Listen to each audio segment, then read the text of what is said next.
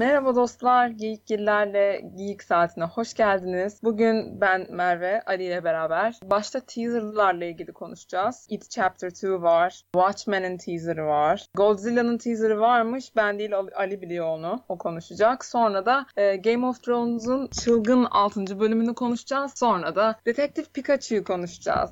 Nasılsın Ali? İyiyim doktorum. Geçmiş olsun. Sen nasılsın esas? Teşekkür ederim. Biraz diş ağrısıyla bu sefer konuşuyorum. Biraz garip gelirse kusura bakmayın. Yok yok ben de geçen hafta hastaydım. Yeni atlattım. Size geçmiş olsun o zaman. Teşekkürler. Şimdi hangi fragmanda başlayalım? Ben daha tam demin It Chapter 2'yu izledim ve çok beğendim gerçekten. Ben de beğendim. Romanı okudun mu sen?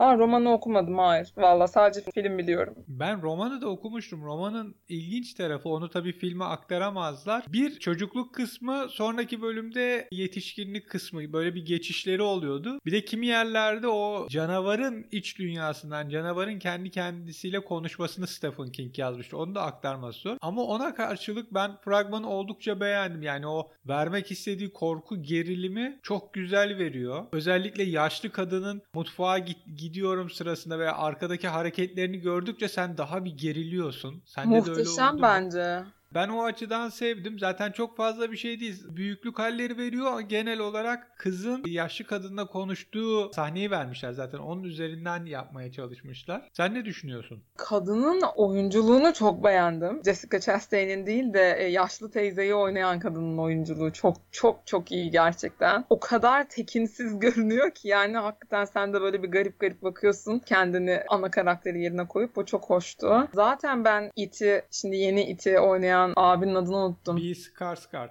çok çok başarılı buluyorum. Gerçekten çok yerinde bir tercih. Bir de tabii sonra bizim çocukların büyümüş tayfayı gördükten sonra James McAvoy'u görünce tamam yani I'm sold. O film izlenecek. James McAvoy olunca zaten kafadan bir puan alıyor. Jessica Chastain keza artı bir puan. Bir de Skarsgård ailesinin en ufağı. Bunlar ailecek gerçekten çok Ailece. iyi aktörler. Kesinlikle katılıyorum. Ben de severim onları.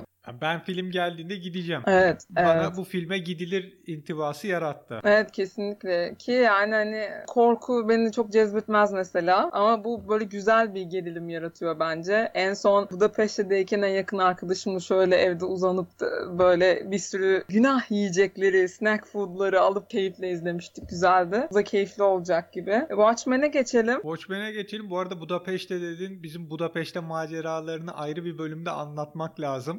Anlatırız güzel olur. Budapeşte ile ilgili en sonu en unutamadığım o Avengers Infinity War'dan çıktığımız zamanki halimizdir.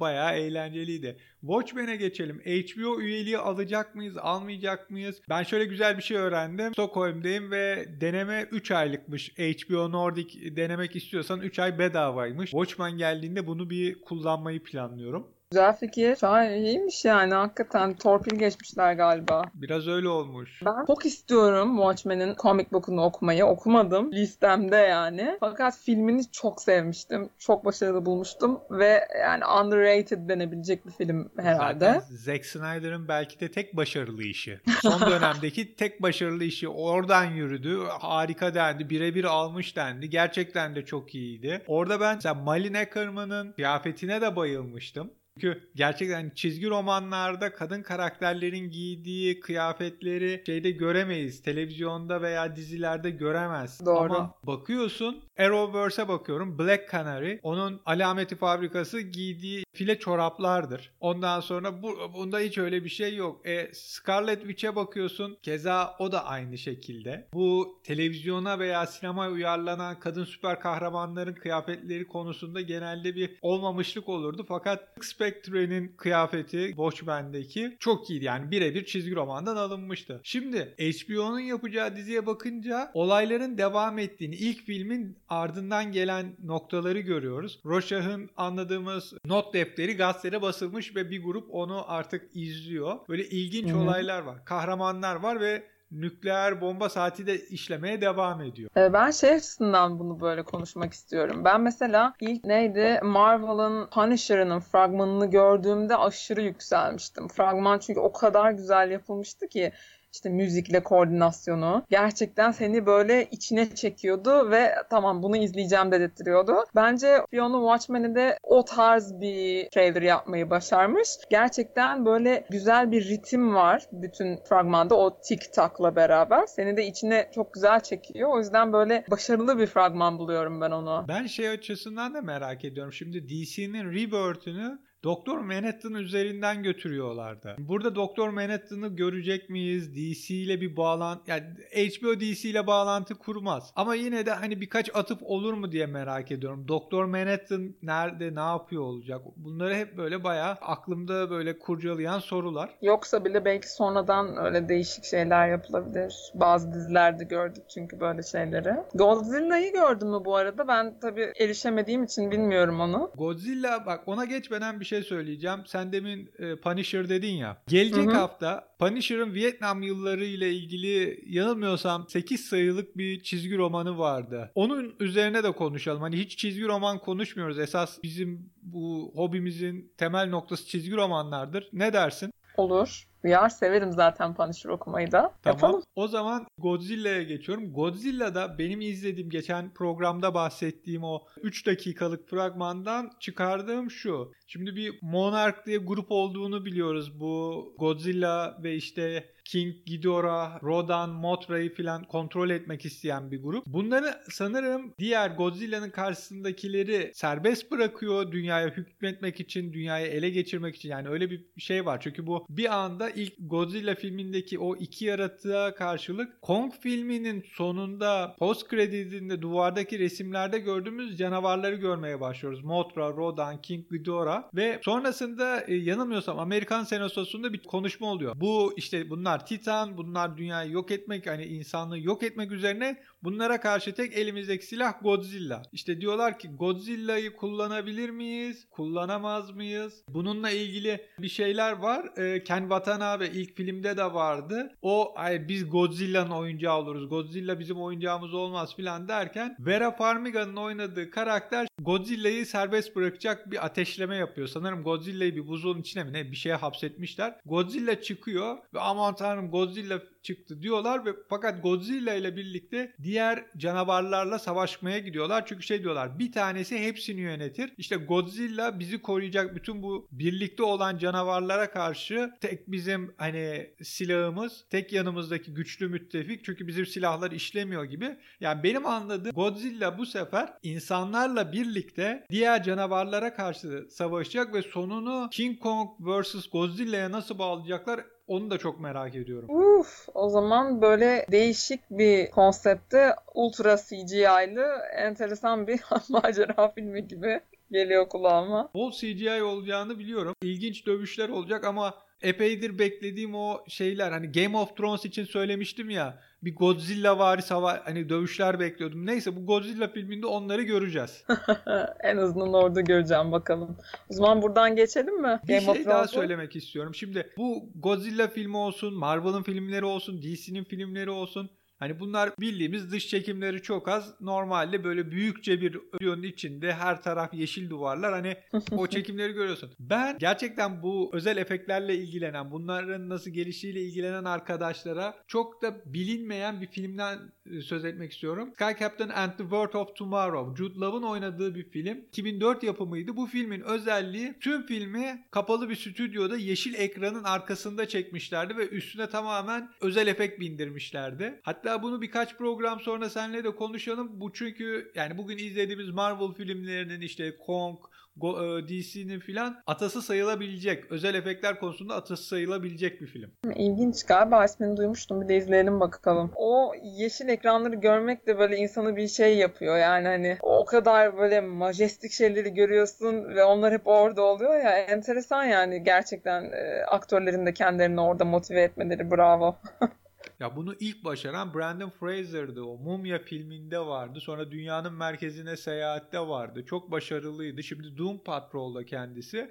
Hani onun ilk filmlerinde bu işte yeni yeni uygulanmaya başlamıştı ve bu işin en başarılı aktörü o zamanlar kendisiydi. Tabii Robert Downey Jr. gelip Iron Man'le bütün ortalığı kasıp kavurana kadar. Şimdi senin esas favori fragmanına geçelim. Black Mirror. Aa evet. Ben güzel buldum. Sadece 3 bölüm yapmaları da bir şey böyle hani kafamda şeyi uyandırdı hani. Bunlar daha uzun hikayeler, daha film gibi hikayeler gibi sanki diye.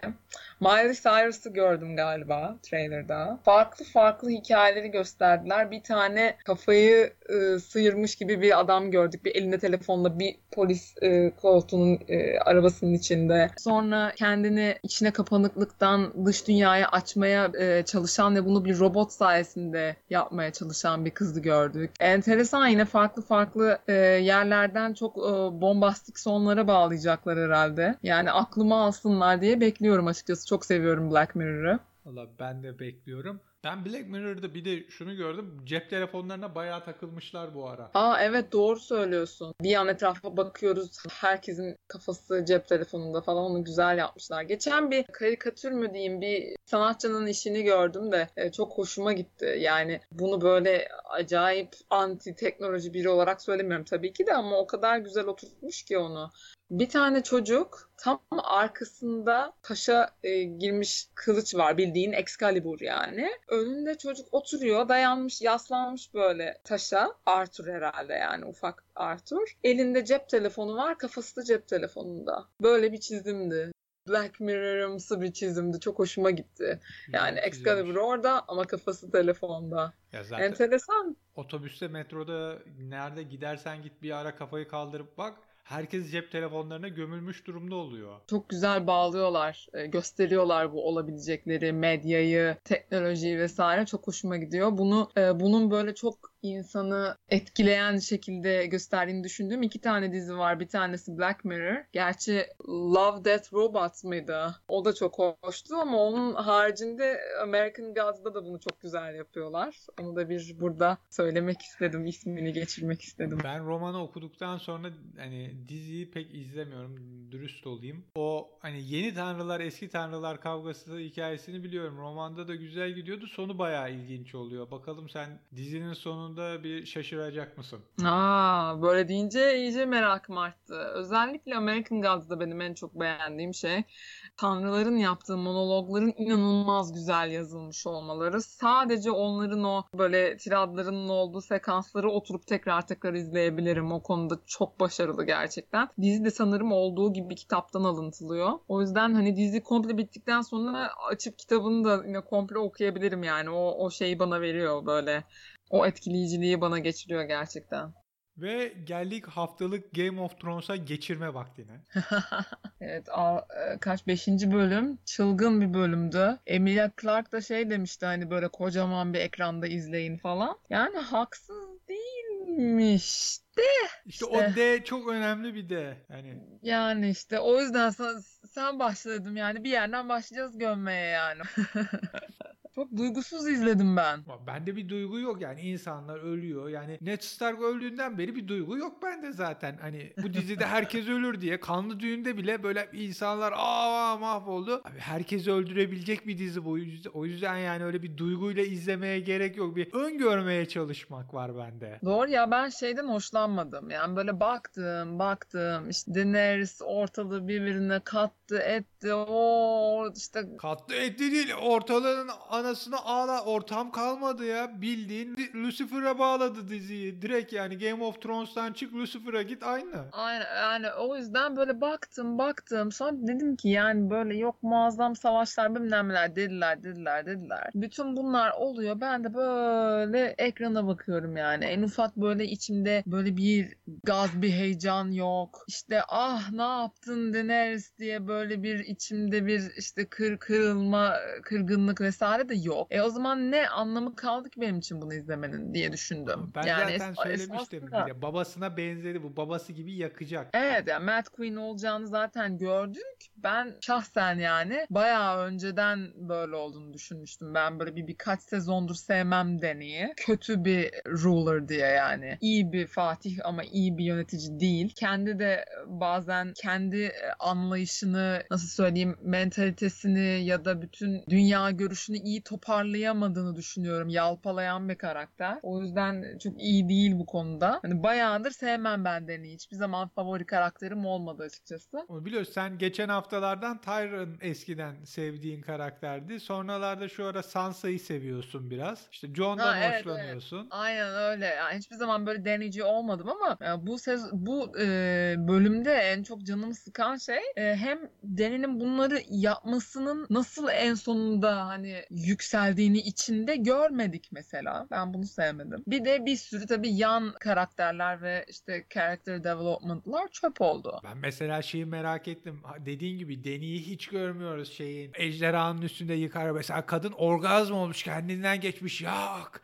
yak diye filan böyle çığlıklar atan bir sahne bile olabilir. Aynen öyle. Aynen öyle. Yani hani e, cinnet sahnesi çekeceklerse de onu da hakkıyla çekselerdi yani. Yapmasaydı demiyorum. O da olurdu. Hatta yani bütün dünyayı da yaksın en sonunda eh yeter be desin. Filmde dizide o zaman bitsin. Tamam okey de en azından bana nasıl oraya yükseldiğini göster. Bu şey anlamında değil hani anladık biz zaten çıldıracağını ya da Dark Side'a geçeceğini bu kızın anladık. Yani zaten herkes de anladı. Varys Jean'i de harcadılar bu arada. Vay. Orada ben dedim şu an Merve çok üzülmüştür. Aynen öyle. Gerçekten gerçekten çok üzüldüm. Yani herkes de aslında biliyordu bütün bu olacakları ama Vers'in yanında da arkasında durmadılar. Çünkü işte bir tane arkadaşım e, buradan ona selam olsun dün konuşurken bana dedi ki evet bir tek Vers bunu hani böyle berrak bir şekilde gördü ve bir şey yapmaya çalıştı. Çünkü onunla Danny ile birlikte olmak istemeyen tek erkek oydu onların içinde diye.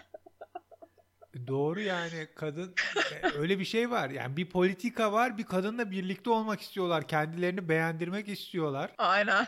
Çok doğru bir yaklaşımdı. Ben de katılıyorum buna. Ama Tamam, peki burada Bran'e ne yani. diyeceksin? Onlar- Bran de birlikte olmak istemiyor ama hiç o Dany ile ilgili bir şey söylemedi. Hani hiç öyle bir öngörüsü bile olmadı. Bran zaten kalbimde bir yara biliyorsun 3. bölümden. O yüzden o onunla ilgili bir şey olana kadar hakkında konuşmama hakkımı kullanmak istiyorum. Hepimiz biliyorduk yani hani Mad Queen'liğe doğru gittiğini ama ben bunun duygusal altyapısını görmek isterdim bence. Dany'e daha çok screen time vermelilerdi ve e, aktrisin daha çok kendisini ve karakterini anlatmasını sağlamalılardı yani. Biz böyle şey olduk tamam işte böyle oldu böyle oldu bu kız da çıldırdı da hani çıldıracaktıysa da o her yeri yakıp yıktığını deseydim ki oh ne güzel yakıyor her yeri oh işte acayip işte Kemiklerim ısındı filan deseydim diyorsun. Öyle değil de yani böyle hani bir şeyler böyle çok yükseltir seni o çok gazlı izlersin ya öyle izleseydik mesela. Hani o şekilde keyif alsaydık O mesela. kadar da olmaz. O Kadın çoluk çocuk demeden yaktı ama tabii dediğinde şöyle de bir nokta var. Emilia Clarke için hep aynı eleştiri geliyor. Esasında iyi bir oyuncu değil. Ne Emilia Clarke ne Sophie Turner. O yüzden bunların çoğunlukla yakın çekimlerini yapmıyorlar ya da yakın çekim öncesi iyi çalıştırıyorlar. Hani bunlar diziden sonra bazı filmlerde oynarlar ama geleceğe kalabileceklerini sanmıyoruz gibi iddialar var. Hani böyle öngörüler var. Beğenmeyen kişilerin yorumları var. Hı, anladım. Sophie Turner'ı hani çok bilemeyeceğim. Çünkü ben pek de izlemedim Game of Thrones haricinde. Şu Dark Phoenix'te göreceğiz. Gerçi pek de izlemek istemiyorum bu X-Men filmlerine karşı bir uyuzluğum var benim ama izleyeceğim herhalde yani nasıl olduğunu bir görmek için. Onu orada göreceğiz ama Emilia Clarke konusunda ben de katılıyorum. Öyle çok bayıldığım bir, bir oyuncu diyemeyeceğim. E, Aksiyon filmlerinde görmekten açıkçası pek hoşlanmıyorum ama Me Before You muydu? Öyle bir romantik drama böyle bir film vardı. Orada oldukça tatlı bir oyunculuğu vardı Emilia Clarke'ın. Ama o da bilmiyorum hani çok iyi değerlendirilebilecek bir şey değil. Çünkü muhtemelen kendi karakterine yakın e, tatlışlıkta bir karakteri oynadığı için de ona çok zor gelmemiştir diye düşünüyorum. Yani o yüzden daha böyle challenge olacak bir şey oynadıktan sonra onun kararını verebiliriz gibi. Terminator'da oynadı. Aksiyon e, filmleri kısmına bence girmese de olur yani. Ya da ona uygun roller vermiyorlar mı diyeyim be. Ben mesela yine seninle beraber gitmiştik Solo'ya mesela. Orada da hiç beğenmemiştim. Mesela Solo'da, Star Wars'ta ya da işte Terminator Ge- Genesis'te falan buralarda bence oynamasının başlıca sebebi çok popüler olması. Tabii. Yani bir popülerlikten dolayı şey alıyor. Aynen öyle ama tabii işte ne ne dedik demin mesela It Chapter 2'nun e, işte fragmanını izlerken James McAvoy görünce diyorsun ki tamam ya ben bunu izlerim. Ama o James McAvoy yani. Aynen. Hani o da bir tür izlenme etkisi yaratıyor ama işte o tür var bir de o tür var. Bu arada geçen de Sophie Turner Jimmy Fallon'a çıktı talk show'a. Orada çok ilginç bir açıklama oldu. İşte şeyden bu iki hafta önceki kahve hikayesinden bunu şakasına suçladılar. Sonra şöyle bir şey öğrendim ben. Meğersem sette sen çay, kahve, süt, su ne içeceksen aynı o klasik plastik kapaklı bardakta veriyorlarmış. Yani sette kim ne içerse içsin aynı bardakta içiyormuş. O yüzden yani o bir Starbucks bardağı değilmiş. Sadece markanın e, yarattığı bir algıymış. Biz hani değilmiş evet. mendillerin hepsine selpak dememiz gibi. Sonrasında da çok komik Kesinlikle. bir şey oldu. Sophie Turner şey dedi. Bu benim bardağım değil ama hani sahneye bakarsanız kimin önünde duruyor? Bence o önünde duran kişinin olmalı. Aa evet evet. Emilia Clarke'a attı suçu değil mi? Yani orası çok eğlenceliydi. Bu arada daha ilginç bir şey söyleyeceğim. Game of Thrones'tan iki karakter başka bir yapımda aynı kişiyi canlandırdılar. Emilia Clarke'la Lena Headey yani Cersei farklı zamanlarda ikisi de Sarah Connor oynamış. Evet doğru doğru. İkisi de Terminator'da oynadılar değil mi? E biri Doğru. Sarah Connor Chronics'te işte dizide Sarah Connor'da, diğeri işte son filmde. Bu da ilginç yani o iki kraliçenin karşı karşıya geldiği anda o an ikisi de bir taraftan Sarah Connor bir Terminator çıksa. Hani Game of Thrones'u kurtaracak şeyler arıyorum böyle uçarak fikirler hala. O evet ya. Yani ben geçen kime diyordum ya sana mı diyordum ya en sonunda Danny her tarafı yıksın.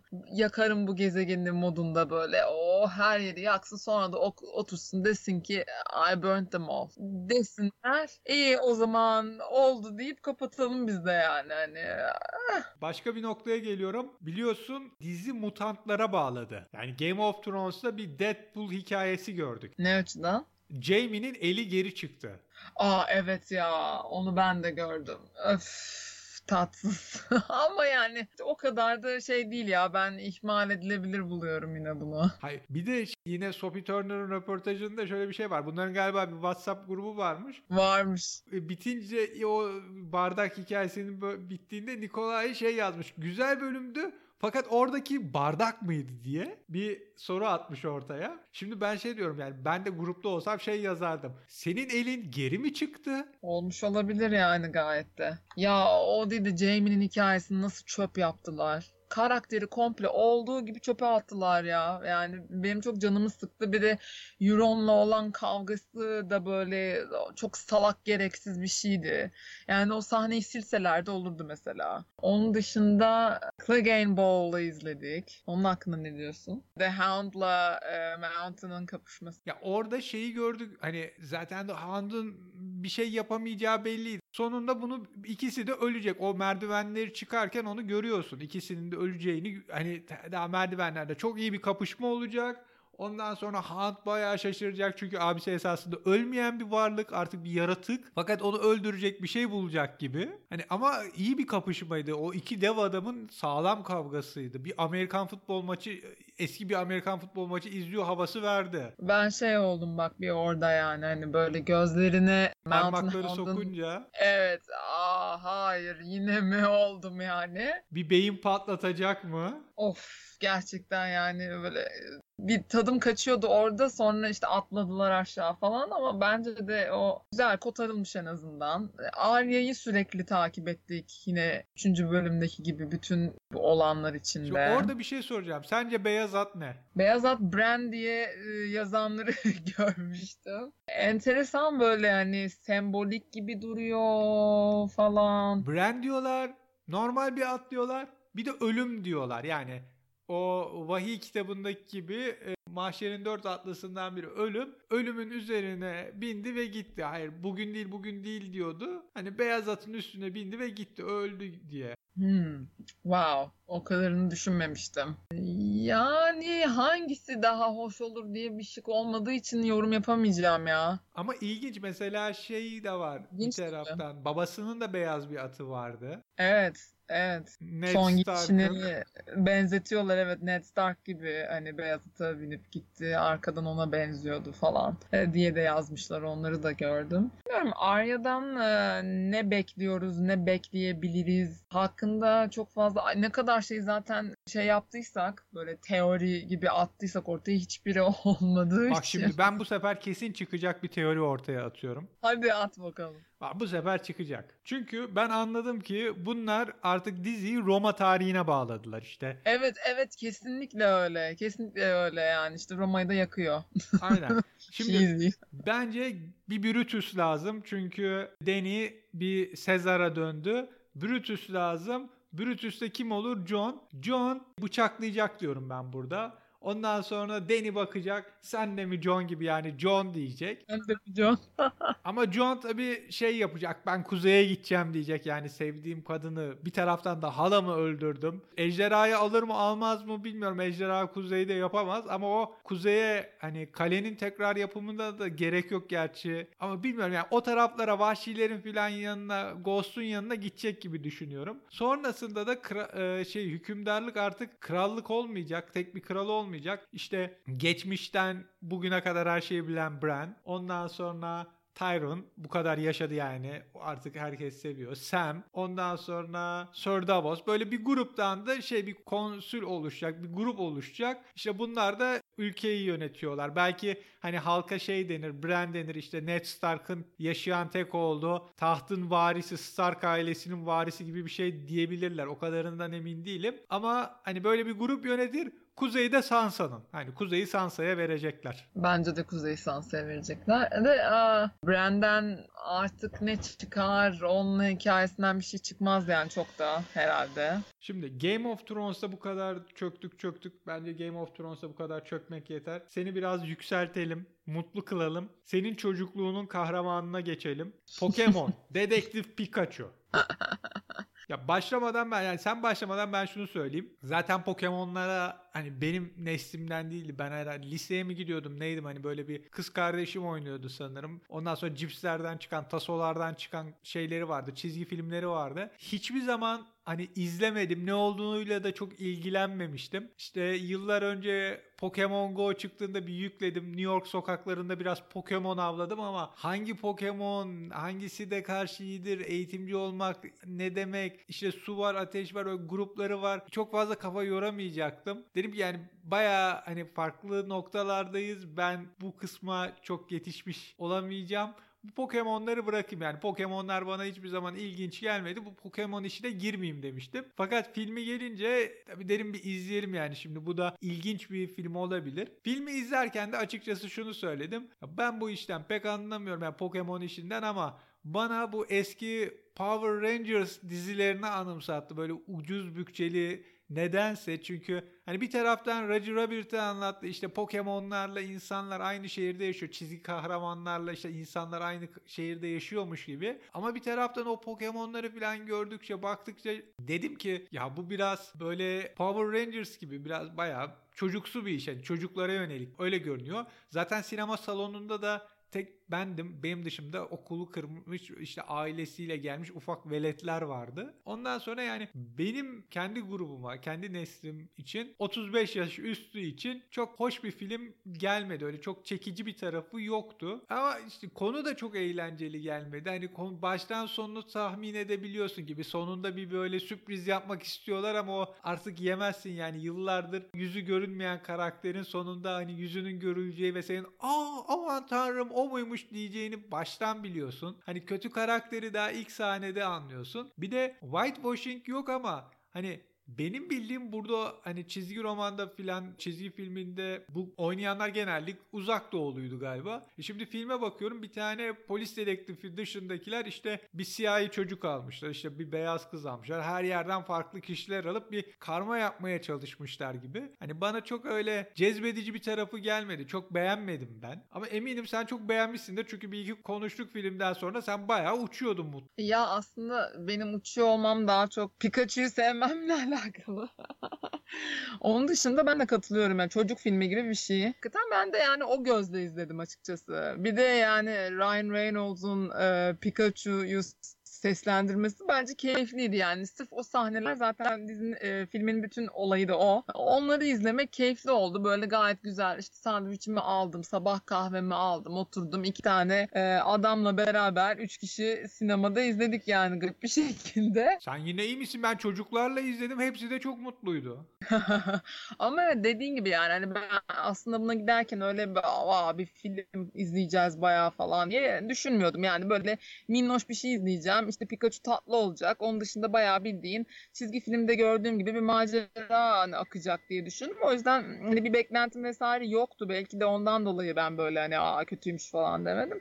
Hani minnoş bir böyle pazar çizgi filmi kuşağı şeysi gibi geçti benim için. Filmin gerçekten insanı böyle aklını bırakan, insanın aklına bıraktığı bir şey yoktu. Pikachu gibi tatlı bir şeyi Ryan Reynolds'a vermiş olmaları ve ona seslendirmeleri güzeldi. Oraları keyifliydi yani o kadar. Ben zaten film bitti şey dedim yani bu biraz hasılat yapsa bu biraz beğenilse bile ikincisini çekmeleri biraz zor olacak. Çok yaratıcı bir senaryo gerekecek. Gerçi Pokemon hikayelerini hiç bilmiyorum. Hani Pokemon'da çok fazla hikaye vardır. İlla Pikachu üstünden bir şey çıkarırlar belki ama izlediğimde bana daha çok bir seferlik bir filmmiş gibi geldi. Yani böyle bir bir tane yapalım böyle uyarsa sonra bir şey uydururuz ve ikincisi çok da iyi olmayabilir. Çünkü esas hani filmi götüren filmin esas e, dinamosu diyeceğimiz olay hani çözüldükten sonra ikinciye de taşınamayacağı için spoiler vereyim. Eğer spoiler'ı duymak istemiyorsanız 10 saniye ileriye atlayın. Hani Pikachu'ya ses veren Ryan Reynolds çocuğun babasıymış. Sonra ikisini vücutlarını ayırıyorlar. E bir daha Pikachu'yu Ryan Reynolds seslendiremeyecek. E yani bundan sonra bu durumdan dolayı hani ben ikincisinin de bu kadar izlenecek mi? Çok eğlenceli olacak mı? Olursa nasıl olur? Bir fikrim yok. Hani hasılatı fena değil diyorlar. Tam işte Avengers Endgame'in 3. hafta biraz düşmeye başladı. Pikachu ile biraz hasılat bulabildi diyorlar ama devamı da gelir mi? Çok emin değilim. Yani dediğim gibi ben filmi çok beğenmedim. Çocuk filmi gibi. Hani kızım izlemek istedim istese 8-9 yaşında aa gel izleyelim derim ama onun dışında yok. Yani çünkü aslında Ryan Reynolds'un mizacında bir şekilde yani karşımıza çıkıyor Pikachu burada da. E, dolayısıyla neredeyse adamın karakterini, mizacını e, pazarlıyorlar gibi bir durum var. O yüzden bence de bunun tekrar bir ikincisi yapılması, benzeri yapılması falan mantıksız olurdu. Bakalım. Şimdi Tolkien var. Haftaya bir Tolkien konuşalım mı acaba? Aa evet ya ona heyecanlıyım gerçekten.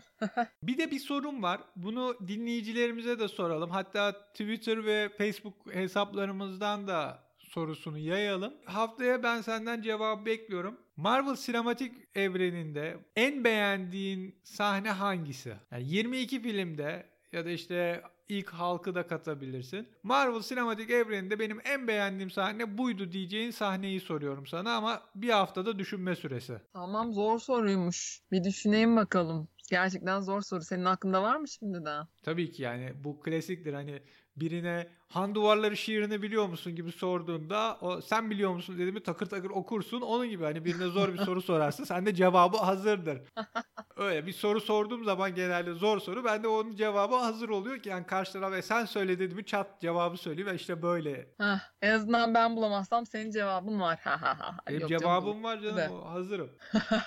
Tamamdır. Bakalım bir düşüneyim. Bir artık çizgi romanlara başlayalım diyorum. E, demin de söylemiştim. Punisher'la birlikte. Senin çünkü favori karakterlerinden biri oradan dolayı. Evet. Gerçekten çok severim. Gerçekten çok severim. Marvel dizisini de çok severim. Şeydeki Netflix'teki. Şey kaldı mı? Başka Son bir şey Amazon Yüzüklerin Efendisi'nin dizisini çekecekmiş. Ya başlıyorlarmış. O konuda şey yapmadım daha. Yani bakınmadım internette açıkçası. Hep konuşuyorlar vesaire ama hani öyle öyle bir şey varmıştan ötesini bakmadım. Sence olur mu peki yani film bu kadar iyiydi. Bunun bir de dizisi olsa izler misin? Yani ne, dizisi gerçekten Zor iyi soru. olur mu? Yani sen iyi olabileceğine inanıyor musun? Hayır.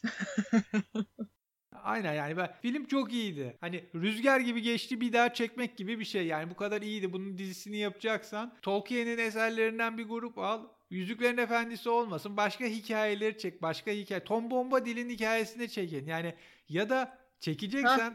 Tom Bombo dilde ekle hani Yüzüklerin Efendisi'ne. Çünkü Bence filmde o eksikliğini en çok hissettiğim karakter Tom Bombadil'di. Hani bir Tom Bombadil üzerinden gitsin hikaye. Ben mesela çok Tom Bombadil'ci değildim hani filme ekle, eklensin vesaire diye ama şimdi yapmak için uygun olurdu. Çünkü yani o kadar gereksiz ki yani onun remake'ini yapmak. Ne, ne kadar uzun olursa olsun, ne kadar kitabına uygun olursa olsun bence hazır kült bir şey yapılmışken fantastik e, film üçlemesi yapılmışken üzerine yani hani saçma yani. Şimdi ne yapacaksın? Ötekini öteki mi? Aa şimdi bu çok daha kaliteli oldu işte çekimleri. Öteki de eski çekimdi mi diyeceğiz? Ya da yani bilmiyorum. E, bence hali hazırda zaten başımızın tacı olan bir üçlemeyi e, kenara koyup başka şeylerle devam etmenin bir anlamı yok. Onun için bence de Tolkien'in başka eserlerine yönelebilirler. Bir sürü hikayesi var adamın. Hikaye kitapları da yazmış. E, Tom Bombadil gibi zaten Lord of the Rings'in içinden bir hikaye var. Silmarillion'da da hikayeler var. Gerçi onlar biraz ağır hikayeler. Bir sürü bence de başka şey bulabilirler. Ufak diziler yapılabilir.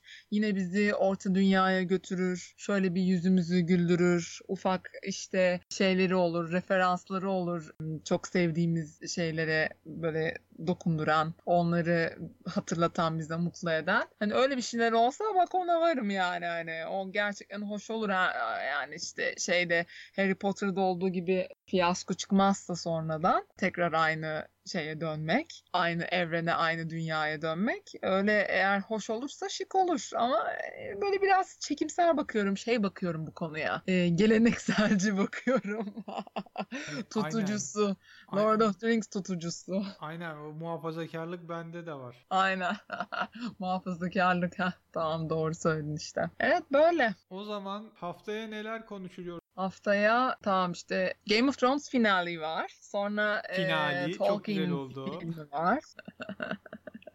Ama Evet Game of Thrones finali var. O finaliyi konuşacağız. Onun dışında başka ne var? Trailer bilmiyorum. Trailer, Bakacağız. Trailer ne gelirse bakacağız. Bir dizi bulmamız gerekecek. Artık hangi diziyi çemkirecek? Gerçi ben Lucifer diyorum. Lucifer yapalım mı? Uyar. Son gelen sezonunu izlemedim o zamana kadar. izlediğim ve çok beğendiğim bir karakterdir Lucifer. Bence beğeneceksin. Ablam ve annenin sevdiğini biliyorum Lucifer'i. Hani bu hafta birlikte izlerseniz ya da sen önden mi gidersin? Haftaya bir onu konuşalım. Çünkü ben beğendim. Olur. Olur ha. Beğendim demeni sevdim. Güzel. Hmm, hoşuma gitti. Ya çünkü ben böyle hani bir karakteri yani Lucifer hakikaten çok sevdiğim aktörü de çok beğendiğim için çok izliyorum açıkçası. Ama hani ayrıca da üstüne kattılarsa gerçekten memnun olurum. Sevindirici bir haber bu benim için. Chris bayağı yine iyi oynamış. O zaman kapanışı sana bırakıyorum ve ben herkese iyi haftalar diliyorum. Evet bu haftalıkta Geek Saati bu kadardı. Haftaya haftanın e, önemli mevzularıyla yine beraber olacağız.